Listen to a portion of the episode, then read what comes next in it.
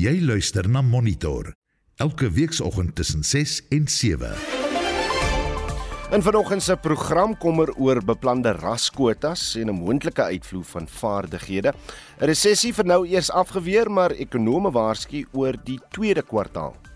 Ons weet al lot boere kon nie uitgevoer het nie as gevolg van die hawensprobleme wat ons gehad het en ons weet ook natuurlik dat die wisselkoers is baie swak. So met ander woorde ons gaan verwag dat ons invoere baie meer as ons uitvoere gaan in randwaarde gaan effek hê en ons verwag ook dat die investering gaan hierdie keer negatief wees. Verskeie munisipaliteite gewaarsku oor die kwaliteit van drinkwater en ontruimings gaan voort na 'n aanval op 'n dam in Oekraïne. Welkom by Monitor onder leiding van Wessel Pretorius. Ons produksieregisseur is Daitron Godfrey en ek is Udo Karelse. 'n Golfsamesmelting betrap die wêreld ontkant. Die Suid-Afrikaanse A-span word in Sri Lanka oorrompel. Australië en Indië pak mekaar vir die toetskroon en die Franse Ope halfeindstryd waarvoor almal wag vind Vrydag plaas. Ek is Shaun Jooste vir RSG Sport.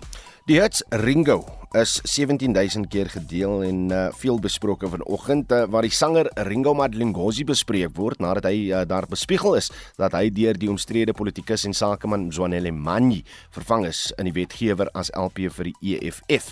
Nou die party het ook die voormalige Kwaito ster Eugene Mtetwa van die groep Trompies op sy lys van LPs ingesluit. En nou na ons luisteraars vraag vir die oggend 'n wyd verspreide video van apies wat in watertanks bal jaar het Gautengers geskok. Dit nadat daar op sosiale media beweer is dat dit by die Jubilee Distrikshospitaal in Hammanskraal geneem is waar die kolera uitbreking plaasgevind het. Nou die departement van gesondheid het egter bevestig dat dit vals nuus is, aangesien Gauteng se hospitale nie swart watertanks gebruik nie, maar wel die groenes. Nou wil ons by jou weet. Glo jy alles wat jy op sosiale media sien? Hoe onderskei jy tussen vals nuus en die ware feite en maak jy seker dat opspraakwekkende video's eg is voordat jy dit self versprei. Indien wel, hoe doen jy dit? Praat gerus saam op ons Facebookblad. Jy luister na Monitor elke weekoggend tussen 6 en 7. Binne 12 minute oor 6. Die uitvoerende burgemeester van die stad Johannesburg, Kabelo Gwamanda, sê die stad se hoofprioriteite is om misdaad aan te pak en die impak van beerdkrag op huishoudings te versag. Hy het gister sy eerste stadsrede in Johannesburg se stadsraad gelewer te midde van 'n groot ongelukkigheid oor misdaad en duisternis. Kwamanda het verwys na misdaad, werkloosheid, geslagsgebaseerde geweld en 'n gebrek aan toegang tot basiese dienste soos water en elektrisiteit as van die groot kwessies wat inwoners raak. Hy het aan raadslede in die huis gesê, die stad sit met onbetaalde verskaffersfakture van meer as 6 miljard rand. Hy sê die koalisieregering het egter korttermyn leningsfasiliteit goedgekeur om die skuld te delg. What we now know as fact is that the city's finances remain strained following the tabling of a conceptually flawed budget by the multi party government. And the result, by the end of June 2021, the government of local unity audited financial statements reflected a city with a healthy cash balance of 6.6 billion. However, upon our return in January 2023, when we took over from the multi-party coalition, we find a near bankrupt government. Die stad Johannesburg sal na verwagting sonpanele vir minder bevoorregte huishoudings beskikbaar stel om die impak van beplande onderbrekings te versag. Hy sê die stad sal ook meer krag van die onafhanklike Kelvin kragstasie kry. Dan skoop die stad 87% van sy krag by Eskom en Kelvin vul die res aan. Load shedding remains one of the biggest threats to our city and safety and security. Economy, power supply of electricity to residents and businesses in the city is one of the foremost priorities. Mitigating the impact of planned outages by ESCOM is a matter that is receiving our urgent attention through City Power. We have recently mandated City Power to extend our power purchase agreement with Kelvin Power Station by another 3 years. Kwamada sê die hoë migrasie van mense na Johannesburg plaas druk op die hulpbronne en die lewering van dienste. Hy sê verouderde infrastruktuur is 'n groot struikelblok vir die lewering van ononderbroke kragtoevoer aan inwoners. We cannot deny the current infrastructure challenges that contribute to water shortages within the city. These issues remain high on my agenda.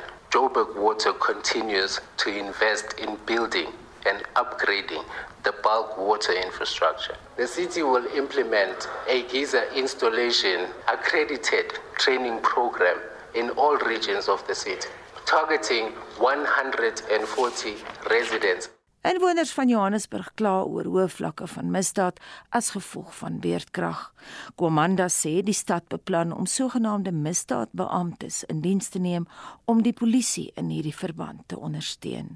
Our people must feel safe at all times in this world-class African city. To bolster our efforts in fighting crime, we plan to procure approximately 2,000 crime wardens in the city of Johannesburg. These dedicated individuals will work alongside law enforcement agencies and communities and stakeholders to strengthen crime prevention initiatives, improve community policing, and enhance the overall safety and security of our city.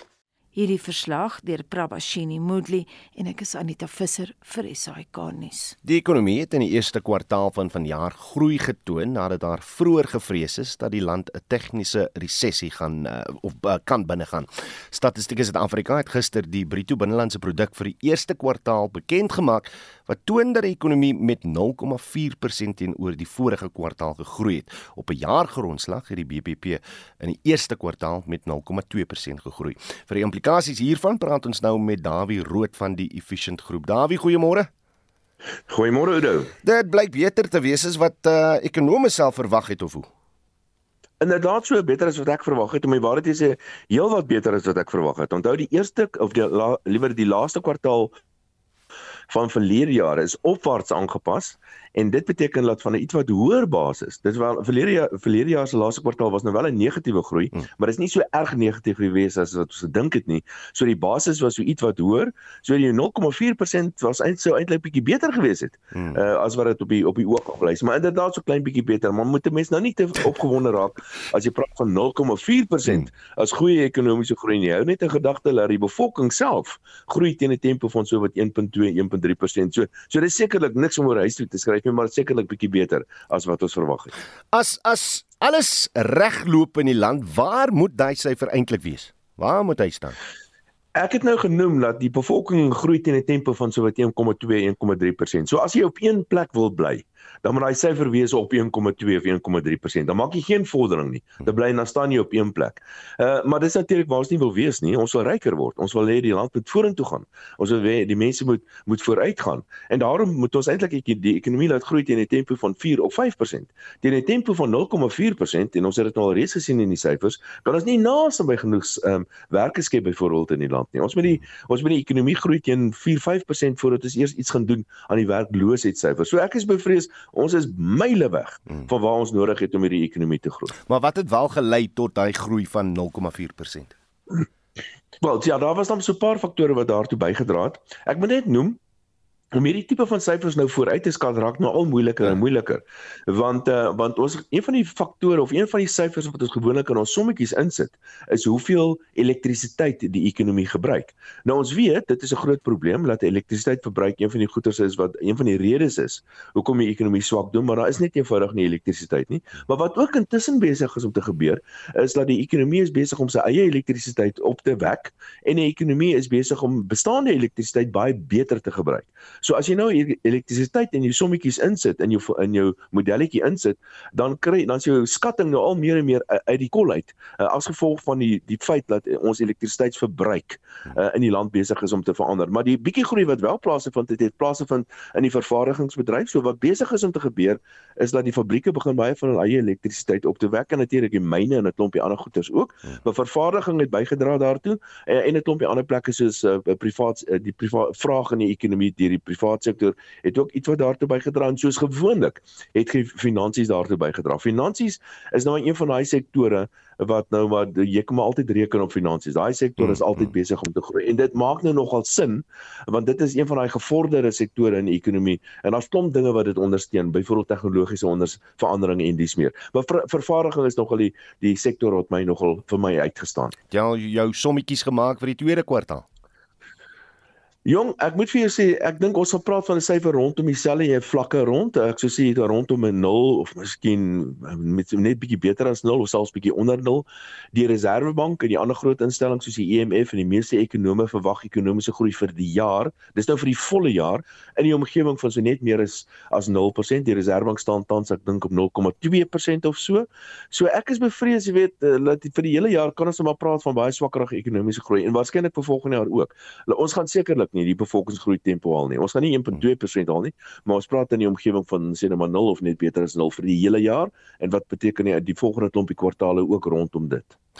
Uh, maar die res van die jaar, as ons nou kyk na hierdie 0,4%, uh, gaan hy nie 'n tegniese resessie behels nie of is daar nog vrese dat dit kan gebeur? Wel sonder twyfel kan dit gebeur. Uh, om die waarheid te sê, so half op 'n vreemde manier, die feit dat ons in die tweede kwartaal nou iets wat van ekonomiese groei aangetoon het, vergroot die kans dat die derde kwartaal nou 'n swakker ekonomiese groei kan toon want onthou nou nou het ons gegroei teen 0,4% in die tweede kwartaal so daar's of liewer in die eerste kwartaal. So ons het 0,4 in die eerste kwartaal gegroei dit gee vir ons iets wat van 'n hoër basis. En in die tweede kwartaal bereken jy ekonomiese groei gemeet teenoor die eerste kwartaal. So hoe hoër die eerste kwartaal is hoe groter die kans is dat die tweede kwartaal eintlik swakker gaan doen. So so uh, maar maar uh, die die kans vir 'n tegniese te, sogenaamde tegniese resessie hierdie jaar is, is sekerlik daar. Ons het nog 3 kwartaale oor. Hmm. en ons weet daar's baie baie hindernisse in die Suid-Afrikaanse ekonomie. Miskien moet ou net die punt maak om 'n of ander vreemde manier of 'n of ander rede wat ek nie kan verstaan nie, het, het iemand besluit eendag dat twee negatiewe groei kwartale na mekaar is 'n sogenaamde tegniese resessie. Hoekom nou noodwendig 2 en hoekom noodwendig negatief? Dit kan ek nie werklik verstaan nie want wat my betref gaan dit ook sleg met die ekonomie as mense armer word en of as mense hulle werke verloor. En dit alles wat my betref kwalifiseer vir 'n sogenaamde resessie. En as mens daardie definisie gebruik vir 'n resessie, dan sê ekonomie eintlik vir die meeste van die afgelope 10 jaar alreeds in 'n resessie. Hy is wat hy is, so speel maar net volgens die reëls. Dawie Rood, dankie vir jou tyd op Monitor. Hy is die hoofekonoom by die Efficient Groep. Sowat 45 munisipaliteite landwyd kan strafregtelik aangekla word nadat hulle kennisgewings van die departemente van water en sanitasie ontvang het. Die munisipaliteit het versuim om skoon kwaliteit drinkwater aan gemeenskappe te verskaf of om watersuiweringsaanlegte in stand te hou soos wat die wet vereis. Dit het aan die lig gekom in die tussentydse blou, groen en geen druppel verslag wat gister in Pretoria bekend gemaak is. Die verslag wat deur Senzo Mqunu, die minister van water en sanitasie bekend gestel is, beskryf die swak gehalte van water wat deur sommige munisipaliteite verskaf word. Dit verwys onder meer na die kommerwekkende vlakke van besmette en wanfunksionele watervoorsieningsstelsels. Mqunu, die onlangse kolera-uitbreking wat meer as 20 lewens in Hammanskraal noord van Pretoria geëis het, as 'n rede tot groot kommer beskryf. Hy sê die departemente sal hulpbronne mobiliseer om die bron van die uitbreking te bepaal. On this matter in particular, cholera outbreak, I must express our very very deep concern as the Department of Water and Sanitation. This concern is whether our water was safe or is safe enough for human consumption. Although the source of the cholera is yet to be determined in relation to where there is an outbreak thereof, the fact remains that cholera is a bacterial disease usually spread through contaminated water. Nkunu sê daar is 'n reeks uitdagings soos verouderde infrastruktuur wat pogings om skoon water aan inwoners te verskaf belemmer. Aging and dysfunctional water and sanitation infrastructure due to lack or weak operation management capacities. Policy inconsistencies on a range of issues. Improper planning in some cases, no planning at all. Misappropriation of funds in some cases, and budgetary constraints in others. Lack of capacity. These were among the main issues. Die verslag bevat talle bekommernisse wat tydens die 2022 waterberaad geopper is. Bo aan die lys is swak beplanning en die onvermoë om die aanbod van kwaliteit drinkbare water te bepaal. Die departement se direkteur-generaal, Dr. Sean Phillips. The 2022 full Green Drop report we released in April 2022 found that 334 out of 850 municipal wastewater systems in 90 municipalities which are water services authorities, were in a critical condition, receiving green drop scores of 30% and below. In other words, of the 850 municipal wastewater systems which were assessed, 334 of them were found to be in a critical state, or 39% of them, and those municipal wastewater treatment systems were in 90 different municipalities. 'n Amptenaar van die departement, Anet Muur, wat verantwoordelik is vir die nakoming van watergebruik, noem van die munisipaliteite wat strafregtelik aangekla is. In terms of the criminal cases that has been opened in the Free State province, Purinstad Wastewater Treatment Works at Mokaka and Parys in the same municipality, Gauteng Klipgat Wastewater Treatment Works of the Metropolitan Municipality of Tshwane. Then there is one criminal case against Rand West local municipality for its Kutsong Wastewater Treatment Works, its Kokosi Wastewater Treatment Works, its Wadela Wastewater Treatment Works, and Valverdient Wastewater Treatment Works. Die tussentydse blou, groen en geen druppel verslae dien as 'n regulatoriese hulpmiddel om die kwaliteit van munisipale drinkwater te verbeter. Die verslag word een keer elke 2 jaar bekend gestel. Faniel Shuma het hierdie verslag saamgestel. Ek is Estie de Klerk vir SAK nuus. Die storie word vernietig. Dis die kritiek wat die argeoloog Anton van Vollenhoven, buitengewone professor in geskiedenis aan Noordwes Universiteit, op die nuus dat amateurs met metaalverklikkers meer as 200 voorlaaiers uit die Anglo-Zulu oorlog in KwaZulu-Natal uitgegrawe het. Die 144 jaar oue fonds word beskryf as een van die belangrikste argeologiese fondse in ons land. Vir meer oor sy kommer daaroor en kritiek daarop praat ons nou met van Vollenhoven. Anton, goeiemôre. Goeiemôre Oudo, goeiemôre ook aan die luisteraars. Hoekom Anton beskryf jy uh, as professionele argeoloog so beswaard uh, oor uh hierdie ontdekking? Die die feit dat tot soveel van hierdie voorlaaiers nou uh opgegrawe is deur die uh, amateur argeologe. Argeoloog, jammer. Ja, nee, dis doodreg. Ehm um, ja, soos ek gesê het, dit dit vernietig in 'n mate die storie. Want in die argeologie ehm um, dokumenteer ons baie deeglik uh, dit wat ons doen. Met ander woorde, 'n ding word nie sommer net opgegrawe nie. Daar word baie foto's geneem, daar word planne ge ge ge, ge, ge, ge gemaak, uh, geteken uh, van presies waar dit uitkom die verband die konteks tussen die voorwerp en ander voorwerpe tussen die voorwerp en miskien strukture wat op 'n terrein is word alles opgeteken want dit help om die storie te vertel as jy nou een ding uit hierdie ding wegneem dan beteken dit daar is 'n verandering aan hierdie storie Hmm. Die die spesifieke groep in die kollig is nou die Vryheid History Diggers, maar maar hoe algemeen is die soort van aktiwiteit onder amateurs? Dit wil my voorkom asof dit baie meer algemeen is as wat selfs ek gedink het. Ehm um, nadat hierdie storie nou in die koerant was, het ek en van my kollegas 'n bietjie op die internet gegaan en gaan kyk en daar's nogal geweldig baie ehm um, organisasies ehm um, wat met metaalverklikking werk wat ehm um, metaalverklikkers jagte is wat hulle dit noem reël uh, en uitgaan lyk my feitelik elke naweek is daar 'n groep iewers in die land wat hiermee besig is. Um hulle is baie aktief klink dit my mm. en uh, in die opsig dan uh, is dit eintlik 'n groot probleem. Wat, wat maak hulle met hierdie uh, voorwerpe? Word dit verkoop is daar 'n groot mark daarvoor of hoe? Ek ek dink nie daar's 'n vreeslike groot mark daarvoor nie. Daar mag dalk wees en dis moontlik dat hulle soms dit verkoop, maar ek dink ehm um, hier gaan dit maar eintlik oor onkunde. Dit gaan oor 'n onkunde dat jy eintlik hoewel jy dink jy die regte ding doen en jy dink jy 'n goeie ding doen en die geskiedenis bewaar, jy eintlik dit teenwerk. Ehm um, dis natuurlik wonderlik vir mense om hierdie goed te hê en dit vir ander mense te kan wys en ek het al gehoor van gevalle waar hulle dit na museums toe vat. Daar's ook van die ouens wat hulle eie privaat museums het. So ja, die voorwerpe word ten minste bewaar en dit is natuurlik 'n positiewe ding, maar soos ek gesê het, as die storie eers daarmee heen is, dan is daar eintlik 'n uh, groot deel van die die waarde van die voorwerp daarmee heen. Sou sou jy wou sien dat wetgewing aangepas word om amateurs te keer om 'n lyfargeoloog te hou? Ehm um, wel ons wetgewing is eintlik reeds so sterk dat hulle totaal gekeer word. Jy mag byvoorbeeld glad nie met 'n metaalverklikkingstoestel op 'n argeologiese terrein kom nie. Selfs ek wat 'n professionele argeoloog is, mag dit nie doen as ek nie in my metodiek wanneer ek aansoek doen vir my permit aandui dat ek uh, van 'n metaalverklikkerstoestel gebruik gaan maak nie. Ehm um, ek dink eerder is ons probleem dat die wetgewing dalk 'n bietjie te sterk is en dat ons daarna sal moet kyk. Hmm.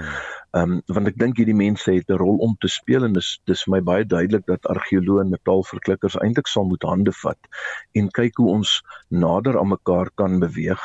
Ehm um, ek dink is 'n golf wat nie maklik gestuit gaan word nie. Ehm um, en en en die wet is eintlik net te sterk want dit beteken eintlik as jy nie 'n opgeleide argeoloog is of 'n opgeleide argeoloog op jou span het nie, jy eintlik glad nie hierdie goed kan doen nie argeoloog Anton van Vollenhoven, buitengewone professor in geskiedenis aan Noordwes Universiteit. Terwyl duisende mense in Oekraïne al wonings moet ontruim nadat die damwal in Novakhovka na bewering opgeblaas is, word daar eh, tou getrek oor wie verantwoordelik is vir die voorval. Manley Forsie het uh, of hou ontwikkelinge daarop. Ja, nou volgens die Oekraïense president Volodymyr Zelensky kan minstens 80 dorpe stroom af oorstroom en ons veral kommer oor die stad Gerson. Die dam is in 'n Russies beheerde gebied. Rusland sê Oekraïne het die dam wil opgeblaas en Oekraïne blameer Rusland. Nou water uit die dam word onder meer gebruik om die kernaanleg in Zaporizhia onder Russiese beheer af te koel, as ook word dit gebruik by die hidroelektriese aanleg by die dam self. En die dam het boonop groot volumes water aan boere in onder meer Crimea voorsien. So dis 'n belangrike ding hierso wat hier plaasgevind het. Intussen was Rusland en Oekraïne die vinger na mekaar. Hier's Rusland se VN-verteenwoordiger Vasily Nebenzia en sy Oekraïense eweknie Sergey Kislitsia. To investigate what really happened. For us it is clear, absolutely clear, but I already see coordinated information campaign in the press and by the Western officials, rather disinformation campaign, saying that Russia did it without even trying to, to think, keep modest. Why would we do it? Uh, and besides, the Ukrainians were threatening to ruin the dam long time. They were saying it openly to the press. We have observed the same technique of blaming the victim for your own crimes. And there was little chance that the country, which desperately denied its war crimes in Mariupol, Bucha, Izum, Zaporizhia NPP would acknowledge responsibility for today's technological disaster. Nou die VN se adjunksekretaris-generaal vir humanitêre kwessies, Martin Griffiths, sê intussen inwoners aan beide kante van die oorlog en ander gaan hieronder ly. Regnies van 'n ander aard, die Taliban in Afghanistan slaan toe op poppievelde in die land in 'n poging om die verspreiding van opium teen te werk. Ja, nou mense sien net stingels en blomme vlieg soos wat lede van die teendwelm eenheid die plante verwoes. Maar hier is die ding, boere wat nou koring moet plant is bekommerd. Hulle sê daar is nie goeie alternatiewe om hulle gesinne te onderhou te midde van die erge ekonomiese krisis in die land nie. We are very upset. We can't meet our family's needs. I've had to take a loan. Hunger is at its peak and we haven't got any help from the government. Maar die Taliban by monde van die woordvoerder Zabihullah Mujahid het as volg gereageer. Opium causes a lot of harm. We call on international organizations to help. They shouldn't link humanitarian issues with politics. The whole world is affected by opium addiction. En dit was Zabihullah Mujahid, woordvoerder van die Taliban in Afghanistan. En dit was Marlene Forsie. Jy luister na Monitor elke weekoggend tussen 6 en 7. 6:33 en in die tweede helfte van ons program kommer oor beplande raskwotas en 'n moontlike uitvloei van vaardighede. Bly ingeskakel. 'n Wyd verspreide video van apies wat in watertanks bal jare het Gautengers geskok dit nadat daar op sosiale media beweer is dat dit by die Jubilee Distrikshospitaal in Hammanskraal geneem is waar die kolera uitbreking plaasgevind het. Die departement van gesondheid het egter bevestig dat dit vals nuus is aangesien eh, Gautengse hospitale nie swart watertanks gebruik nie, maar wel groen is. En ons wil vanoggend by jou weet, glo jy alles wat jy op sosiale media sien? Hoe onderskei jy tussen vals nuus en die ware feite. En maak jy seker dat opspraakwekkende video's eg is voordat jy dit versprei en indien wel Hoe doen jy dit? Helen Laupsher sê eenvoudig net baie beslis nie. Dis nou seker ten opsigte van wat die waarheid is op sosiale media en wat sy glo.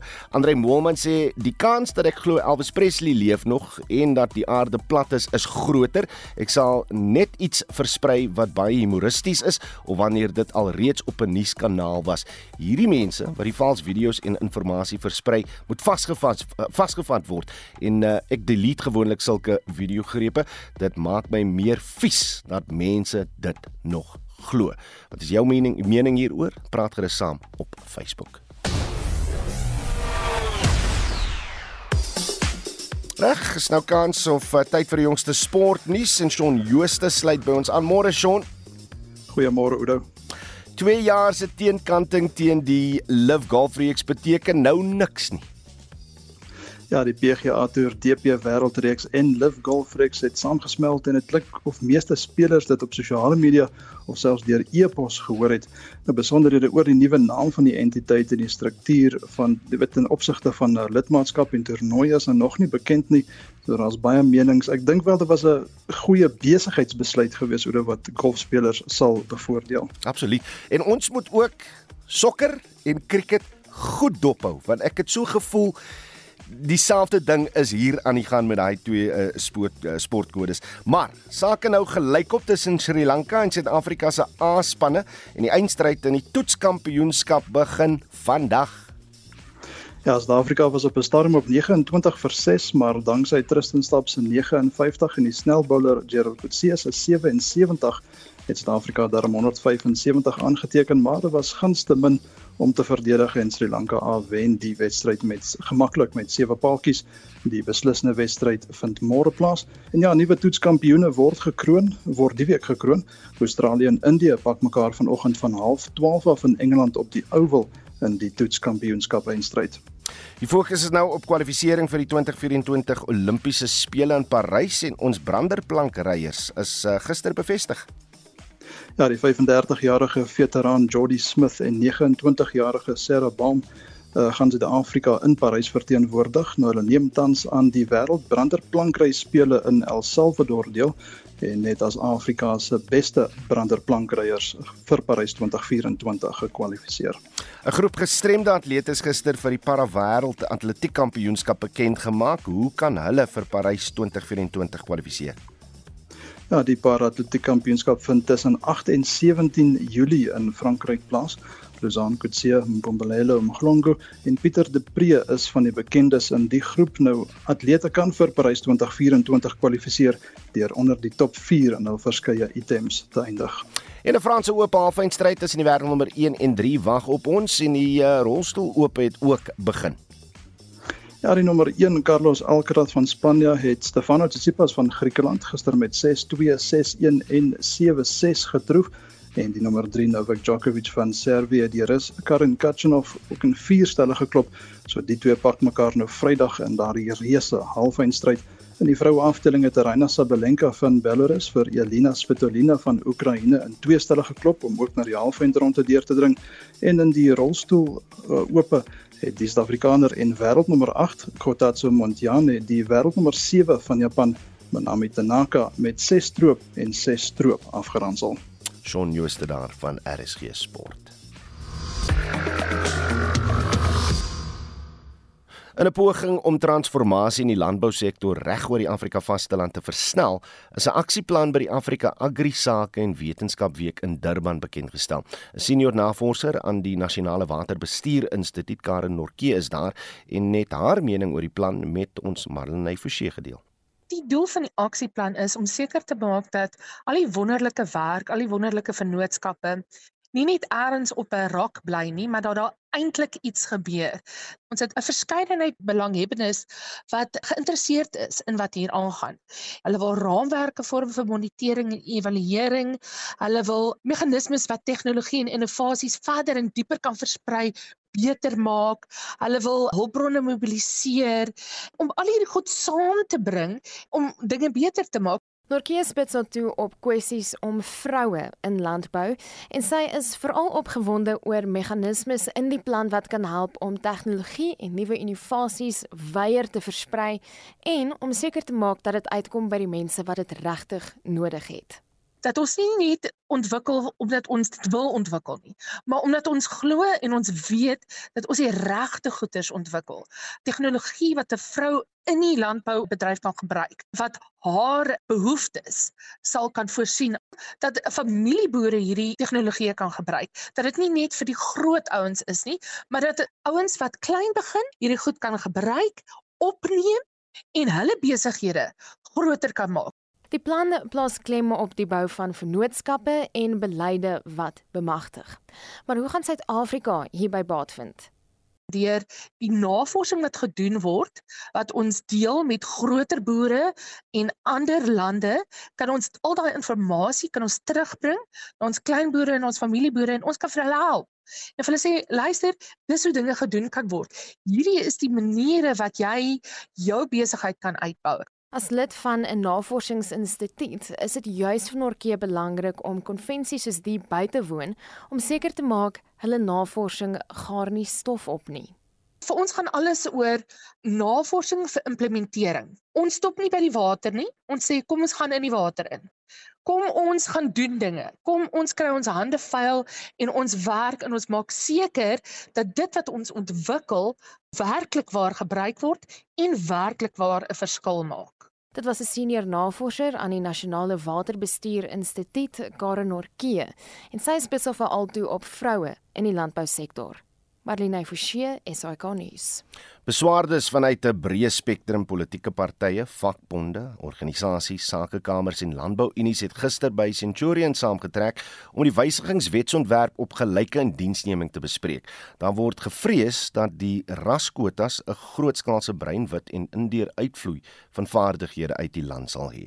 Ons praat nou verder hieroor met Connie Mulder, hoof by Solidariteit se Navorsingsinstituut. Connie, goeiemôre. Ja, goeiemôre Oudo. En Glenn Snyman van die nie-regeringsorganisasie Mense teen Rasseklassifikasie. Glenn, goeiemôre. Goeiemôre Oudo. En hulle was albei uh by die bespreking gister. Ehm uh, so kom ons begin konnie met jou. Wat presies sê die wet soos hy nou daaruit sien? Man, Oudo, ek dink ons vrese is is bewaarheid. Is ons het aanvanklik gesê hierdie wet gee die minister die mag om sektorale teikens daar te stel. So basies beteken dit Die minister kan per sektor, as nou industrie, per provinsie, per posvlak, ehm um, sê hoe moet daai posvlak se samestelling lyk, hmm. rasgewys en geslaggewys.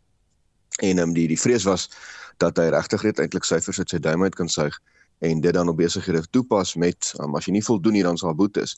En toe het hulle uh, letterlik presies dit op 12 Mei gepubliseer en ons het toe nou in diepte in daai syfers ingegaan en um, dan gekyk maar okay, hoe hoe moet die arbeidsmark verander om te lyk like, soos wat die minister se teikens wat hy gepubliseer het um, is. Hmm. En dan uh, twee scenario's gekyk. Die een is uh, as ons kom ons sê ons groei in die syfers in. So dit beteken jy het 'n sekere hoeveelheid mense, sê 20% van jou senior bestuur is Indiër. Die minister sê hulle moet 1.5% wees. So nou is die vraag, hoeveel groter moet die hele arbeidsmark wees vir daai 20% om 1.5% te wees sonder dat enigiemand vervang hoef te word. Hmm. En ons uh, somme op oor al vier posvlakke sê jy gaan omtrent so 12 miljoen, 12 na 13 miljoen werksgeleenthede moet byvoeg as Suid-Afrika in die volgende 5 jaar.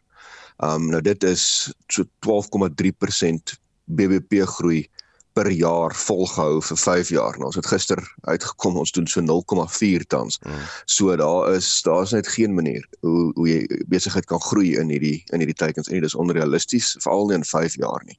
En dit laat dan die ander opsie as ons sê hoe moet die arbeidsmark verander om die minister se teikens wat hy gepubliseer het wat volgens die wet gepubliseer is te laat te verteenwoordig as ons dan nou poste moet vervang hmm. op die, op die boonste vlak. So, ehm um, hoe lyk dit dan as ons mense met swart mense vervang basies? En uh, dan sien ons 2 uit 3 wit en indiër werknemers op die boonste vier posvlakke gaan vervang moet word en een uit vier bruin werknemers op die boonste vier posvlakke gaan vervang moet word dat die arbeidsmark aan die minister se gepubliseerde teikens kan weerspieël in 5 jaar. Kan ek gaan nou terugkom na daai siening toe maar ek wil net by Glen hoor sien julle dit ook Glen as 'n radikale kwota wet? Ja, ons sien dit ook as 'n radikale kwota wet. Want wat die regering nou gedoen het is, hy het basies sy wet op gelyke diensnemingsplan nou net 'n bietjie versnel. En ons is van die begin af gekant teen die wet op gelyke diensneming, of BEE, gebaseer op ras. Want in die eerste plek glo ons nie dat iemand gedefinieer kan word op grond van sy velkleur en ons verwerp al hierdie rasbenamings swart bruin wat in Indië want ons glo dit kom nog uit die ou apartheid bedeling. Mm, mm. So wat ons wil weet is wat te maatstaf gebruik die regering om die Suid-Afrikaanse volk in hy vier rasgroepe te verdeel in die afwesigheid van die destydse rasseklassifikasiewet, die bevolkingsregistrasiewet van 1950. Hmm. Nou huidigelik is daar 'n wet wat staande is en in in werking is in die Suid-Afrikaanse wetgewing. En dit is die bevolkingsregistrasiewet, die herroepingswet, the Repeal Act of 1991. Nou as die wet op gelyke dienstneming in 1998 geskep is, dan na wie moet besighede of die regeringsdepartemente gehoor gee. Want hier het ons natuurlik duidelik 'n konflik in die twee hmm. wetgewings. Want die een roep die rasblokkies terug en die ander haal die rasblokkies uit die lug uit. Da daar is konnie arbeidskenners wat sê die DEA se interpretasie dat die regering beplan om brein en indiese Suid-Afrikaners van sekere sektore te verban verkeerd is. Jy het nou hierdie berekening ook genoem oor wat dit wat die impak gaan wees uh in in sekere sektore. O, ons het ook verlede week met die akademikus Pierre De Vos gesels wat sê dis dis maar bangmaak taktieke uh dat dit nie sal of kan gebeur nie want dit sou ongrondwetlik wees. Ja, nee, kyk, ons stem saam dat die hele wet ongrondwetlik is, maar hy staan nog geteken. En as mense gaan lees wat daar staan, um, dan die verandering is nou van so 'n aard, jy moet enige besigheid wat moet voldoen, moet die minister se teikens in ag neem. En as jy nie die minister se teikens in ag neem nie of nie voldoende aan die minister se teikens gehoor gegee het nie, dan is jy tegnies um, in kontravensie van hierdie wet en dan staan jy dan jy 'n oortreding begaan en kan jy beboet word. En um, ek ek dink eerlikwaar dit is kinderlik naïef om te dink die regering gaan redelik hier optree. Um neem in ag, hier is dieselfde regering wat maatskaplike hulp op ras wou uitdeel in COVID wat nou water op ras wil beperk. Dit is baie redelik om te verwag dat hulle volledig toegang tot die arbeidsmark ook op ras wil uh, wil dan nou beperk. En dit dit is wat ons sien uit hierdie syfers uit is daar stekens gepubliseer die die swart syfer is telkens uitgewerk. Kan mens sien en daar's so 'n persentasie en daar's ons moeite gedoen. Maar die minderhede se syfers is amper net die ekonomies aktiewe bevolking elke keer. Um, en daar's daar's wesenlike probleme hiermee. En net een voorbeeld is uh, wit en indiër mense is gemiddeld ouer as die gemiddelde suid-Afrikaanse burger. Hmm. Nou dit beteken jy sal verwag dat wit en indiër uh, mense oorverteenwoordig is op jou meer senior bestuurvlakke net weens die feit hulle is ouer en hulle het 10 en meer ervaring in die arbeidsmark op daai punt. Maar dit word nie in ag geneem nie. Um, dit is 8% en 1.5% amper oral um, op hierdie teiken. So daar's glad nie die pool vaardighede of hoe dit moontlik kan lyk nie. Baie van die teikens maak ook nie eers 100% saam nie. Wat besighede dan in 'n onmoontlike situasie laat as jy byvoorbeeld senior bestuur in landbou tel alles op tot 47%. So jy moet nou 34% swart wees as jy 'n landboumaatskappy is, jou senior bestuur 34% swart, 8% bruin 1.5% indier, 8% wit en dan moet jy 53% hond of kat of iets wees. Ons as ons geen veel aanduiding wat Is, is daai klausules nog nie terugverwys om om gewysig te word nie? Wat wat dit maak dit eenvoudig net nie sin nie. Nee, dit doen nie. Dit is maar maar dis die dis die probleem is. Dit maak nie sin nie, maar dit gaan van krag kom en dan gaan 'n besigheid in 'n onmoontlike situasie sit waar hy hulle kan nie voldoen aan hierdie syfers nie en niemand in die land gaan kan voldoen nie. En dit gee dan die minister die krag om teoreties soos die wet geskryf is, um jou te kan hof toe vat en jou boetes op te lê. Hmm. Nou ons werk op 'n op 'n eenvoudige beginsel wat sê jy beoordeel wette nie op wat hulle gaan doen nie, maar op wat hulle kan doen want wat hulle kan doen met 'n wet is wat hulle gaan doen. As as ons byvoorbeeld 'n wet maak wat sê die president kan te enige tyd as hy lus voel iemand doodskiet. Um dit is nou wees wet van Suid-Afrika, dis een van die voorregte van president wees. Dan sal ons mos nou nooit gemaklik wees as die antwoord is, maar moenie bekommer nie. Hy gaan dit nie doen nie. Um ons hoef glad nie daaroor die implementering sal nie plaasvind nie. Jy gaan daai wet veroordeel want hmm. soos dit daar staan, gaan dit is 'n geweer teen iemand se kop. En hierdie is presies wat hierdie wet is. Dit is 'n geweer teen die die besighede se kop en die gerusstelling wat hulle ons gee dat nee moenie bekommer nie ons sal nie die sneller trek nie hmm. is is glad nie vir ons iets wat ons uh, wat gemaklik by ons sit nie. 'n uh, Vraag aan albei en en ons begin by jou Glen. As as ons byvoorbeeld kyk na die jaarlikse Sanlam verslag oor transformasie in die privaat sektor, toon dit dat die privaat sektor jaar op jaar slegs 80% van hulle eie transformasie teikens bereik. Uh goed so swart eienaarskap in die privaat sektor uh, byna 26% laer is as die teiken wat wat die sektore self stel. Wit Suid-Afrikaners oorheers steeds top bestuurvlakke met byna 65% verteenwoordiging. As as jy sulke syfers sien, Glen, hoe hoe laat dit jou voel? Ja, weer eens gesê, dit hang af hoe mense ras interpreteer en hoe mense daarna kyk. So sê uh, ek self en ons self kyk in terme van die volk na, dis 'n wit persoon of 'n swart persoon daar werk. Ons kyk na dit is 'n bevoegde persoon wat daar werk. Want ons glo die bevoegde persoon en die beste persoon moet aangestel word in die werk. So as jy dit in daai lig kyk, dan kyk jy verby iemand se velkleur. Dan maak 80% van soveel kleur en 60% van soveel kleur is dan nie 'n probleem vir 'n mens nie. Hoe hoe meet hoe meet julle dan? Omdat jy dieselfde velkleur het, uh, as 'n sekere persoon, kom ons sê dis bruin van kleur, mm. beteken mos dit daai bruin persoon of die wit of die swart persoon verteenwoordig jou in die werksplekkie. So so Glen, ek wil net probeer vasstel hoe meet julle dan transformasie, hoe ons samelewing, hoe die privaat sektor transformeer?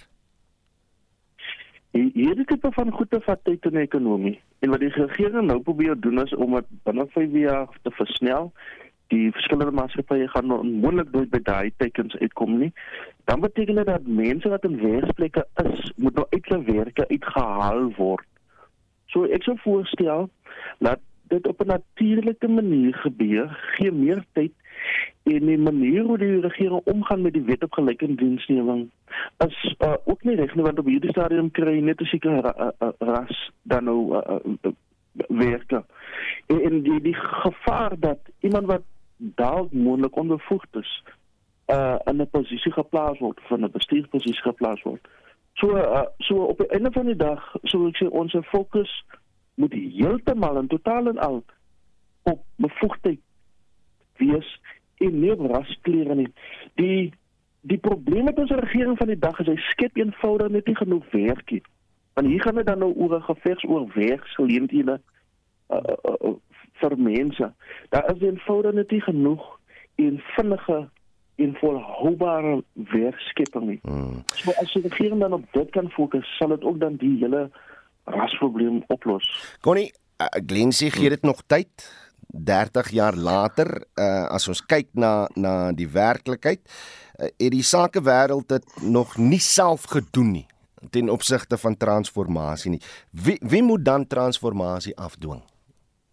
Um, ek dink dit is 'n dis 'n droogredenasie om te dink transformasie kan afgedwing word op die ekonomie. Hmm. Besigheidsmense met alle respek stel nie vreeslik baie belang in wat 'n kleur die ou is nie. Hulle stel belang in of kan hierdie mens saam met my werk en of kan hy uh, of sy waarde toevoeg tot my besigheid. En dit is waarom ons van die begin af uh, op die begreding beroep toe en sê daar is nie 'n kort pad hiernatoe nie. En hulle hou aan met hierdie kort pad probeer vat en nou probeer hulle vinnig hierdie kort pad vat en ons gaan uiteindelik net die ekonomie oor die afgrond stoot. Die enigste manier om die arbeidsmark te verander is jy moet opleiding prioritiseer en jy moet vaardige mense skep wat waarde gaan toevoeg tot die ekonomie en hulle sal in die ekonomie opgeneem word in massas. Tans het ons net plain dood eenvoudig nie genoeg werk oor die algemeen nie en hierdie idee om nou te begin sê maar ons gaan van bo af met die staat vir jou sê en jou besigheid wie jy moet aanstel en dan sal ons jou dwing om die regte ding te doen is nie hoe dit werk nie besighede stel nie belang nie Um 'n eenvoudige voorbeeld is die Springbokspan kan net uit professionele rugby spelers bestaan. Hmm. En dit beteken die Springbokspan gaan nie die land se demografie verteenwoordig nie. Dit gaan professionele rugby spelers se demografie verteenwoordig. En dis waar van baie beroepe en baie posvlakke wat sê maar jy moet kyk na die pool vaardighede. Daar's seker goed wat jy moet kan doen voordat jy as 'n mediese dokter gekwalifiseer kan word of kan werk. En ons kan dan dus net mediese dokters aanstel en dan het jy die regering met hierdie regte gedrogredenasie dat elke besigheid in die land die nasionale demografie moet verteenwoordig want dit in die wêreld net nie die norm is nie. Dit werk net nie so nie. Ja. My bekommernis hier ja. is is is dood eenvoudig um dat ons gaan uh, uiteindelik as al hierdie regering se teikens getref word as die minister se tekens getref word en 600 000 breinwit en indiër mense verloor hulle werk en dit word elkeen vervang deur 'n swart of werklose mens tans dan gaan swart werkloosheid van 36 na 34% val. So dit gaan geen wesenlike impak hê en dis nie 'n volhoubare pad hierdie nie. Ons moet opleiding regkry en ons moet ekonomies groei. Jy het dit nou gister saamgetrek kon nie het jy enige besluite geneem uh, op aksie wat jy sal sal neem? Ja, Oudo, kyk daar is 'n resolusie onderteken deur um, amper hierdie amper 30 organisasies wat um, regtig miljoene Suid-Afrikaanse burgers verteenwoordig wat sê dat ons uh, sterk staan teen die regering se raswet dat ons um, nie meer 'n regering wil hê wat die hele samelewing volgens ras wil verdeel nie en veral nie een wat die sentrale beplanning van die ekonomie wil doen soos ons al gesien misluk het in telke lande nie. En dan wil ons die regering dwing om aan die internasionale norme en standaarde rondom hierdie tipe wetgewing wat wat hulle eintlik onderteken het maar hulle steur hulle self net glad nie daaraan nie om daar binne te bly en laastens dat hulle 'n prioriteit sit op werkskepping en op opleiding dat ons uiteindelik nie hoef stoele rond te skuif op die op die dek van die Titanic nie maar dat ons veel eerder nog skepe bou en dat ons hierdie land aan die werk kan kry want al hoe ons Suid-Afrika kan laat werk is as ons almal wat wil werk laat werk soos hulle wil. Laaste vraag aan jou Glen, sou daar 'n kompromis bereik kon word oor sekere aspekte van die beoogde wetsontwerp of sê julle net eenvoudig, uh -uh, jy moet te keer kom, hy kan nie deurgaan soos hy is nie. Wat ons sê is ehm um, die die wet hoe hy dan toegepas word, is heeltemal reg nie. En op 'n kompromiepunt sou ek sê daar moet 'n einddatum wees vir hierdie wet want ek kan nie vir ewig deel wees van die Suid-Afrikaanse ekonomiese beleid nie. Daar moet 'n einde kom. My probleem ook nog met die wet is wat as iets gebeur soos wat in my geval gebeur waar iemand wat nou is of brein of in meer of wat en hy besluit nou hy gaan nou African tik. Hmm. Gaan die regering hom nou weer aankla? Daai is my vraag. Want dit is wat ons as 'n uh, teenwig en as 'n burgerlike verset van take vir die mense aanmoedig om te doen om hulle misnoë uit te druk teen die wet deur African as hulle daai vorm invul of nie die blokkes in te vul nie. Interessant. Connie Mulder, hoof by Solidariteits- en Navorsingsinstituut. Dankie vir jou tyd hier op Monitoring. Len Snyman van die nie-regeringsorganisasie Mense teen Rasseklassifikasie. Ek sê vir jou dankie vir jou tyd hier op Monitor. 'n Wyd verspreide video van apies wat in watertanks bal jaar het Gautengers geskok dit nadat daar op sosiale media beweer is dat dit by die Jubilee Distrikshospitaal in Hammanskraal geneem is waar die kolera uitbreking plaasgevind het. Nou die departement van gesondheid het egter bevestig uh, dat dit vals nuus is aangesien Gauteng se hospitale nie swart watertanks gebruik nie maar wel groen is. Ons wil by jou weet, glo jy alles wat jy op sosiale media sien? Hoe onderskei jy tussen vals nuus en die ware feite? En maak jy seker dat opspraakwekkende video's eg is voordat jy dit versprei? Indien wel hoe doen jy dit nou op uh, Facebook sê Stefan van Heerden die totale media is onder verdenking plaaslik en internasionaal as ook van ver links tot ver regs ek glo ook nie die kenners wat aan ons voorgehou word nie waar moontlik en soos nodig vind ek liefs self die ware feite gebeure uit. Maar my vraag hiervoor, hoe doen jy dit? Waar gaan verifieer jy jou feite? Wie se mening is vir jou belangrik genoeg om dit as die waarheid te aanskou? Ek sou bitter graag wil hoor, so Stefan, miskien kan jy daarop reageer. Jack Waterboer sê goeiemôre Oudo Karel sê in die Monitor redaksie. Om die waarheid te sê, ek glo niks wat op sosiale media versprei word nie. Ek is te bang vir die gevolge daarna. Daarom maak ek my nie skuldig daaraan om vals nuus te versprei nie. My bron van vertroue bly maar RSG Radio nuus en aktualiteit. Groete uit 'n koue Strydenburg. Jack Waterboer, baie dankie vir daai insit wat jy daar gelewer het. Maar uh, stuur gerus vir ons 'n boodskap op Facebook, op ons uh, Facebookblad, laat weet wat jy doen om uh, seker te maak dat jy die waarheid, die reine waarheid sien op Facebook of uh, enige ander sosiale media. Uh, hoe doen jy dit? Sal graag wil hoor. Baie dankie daarvoor.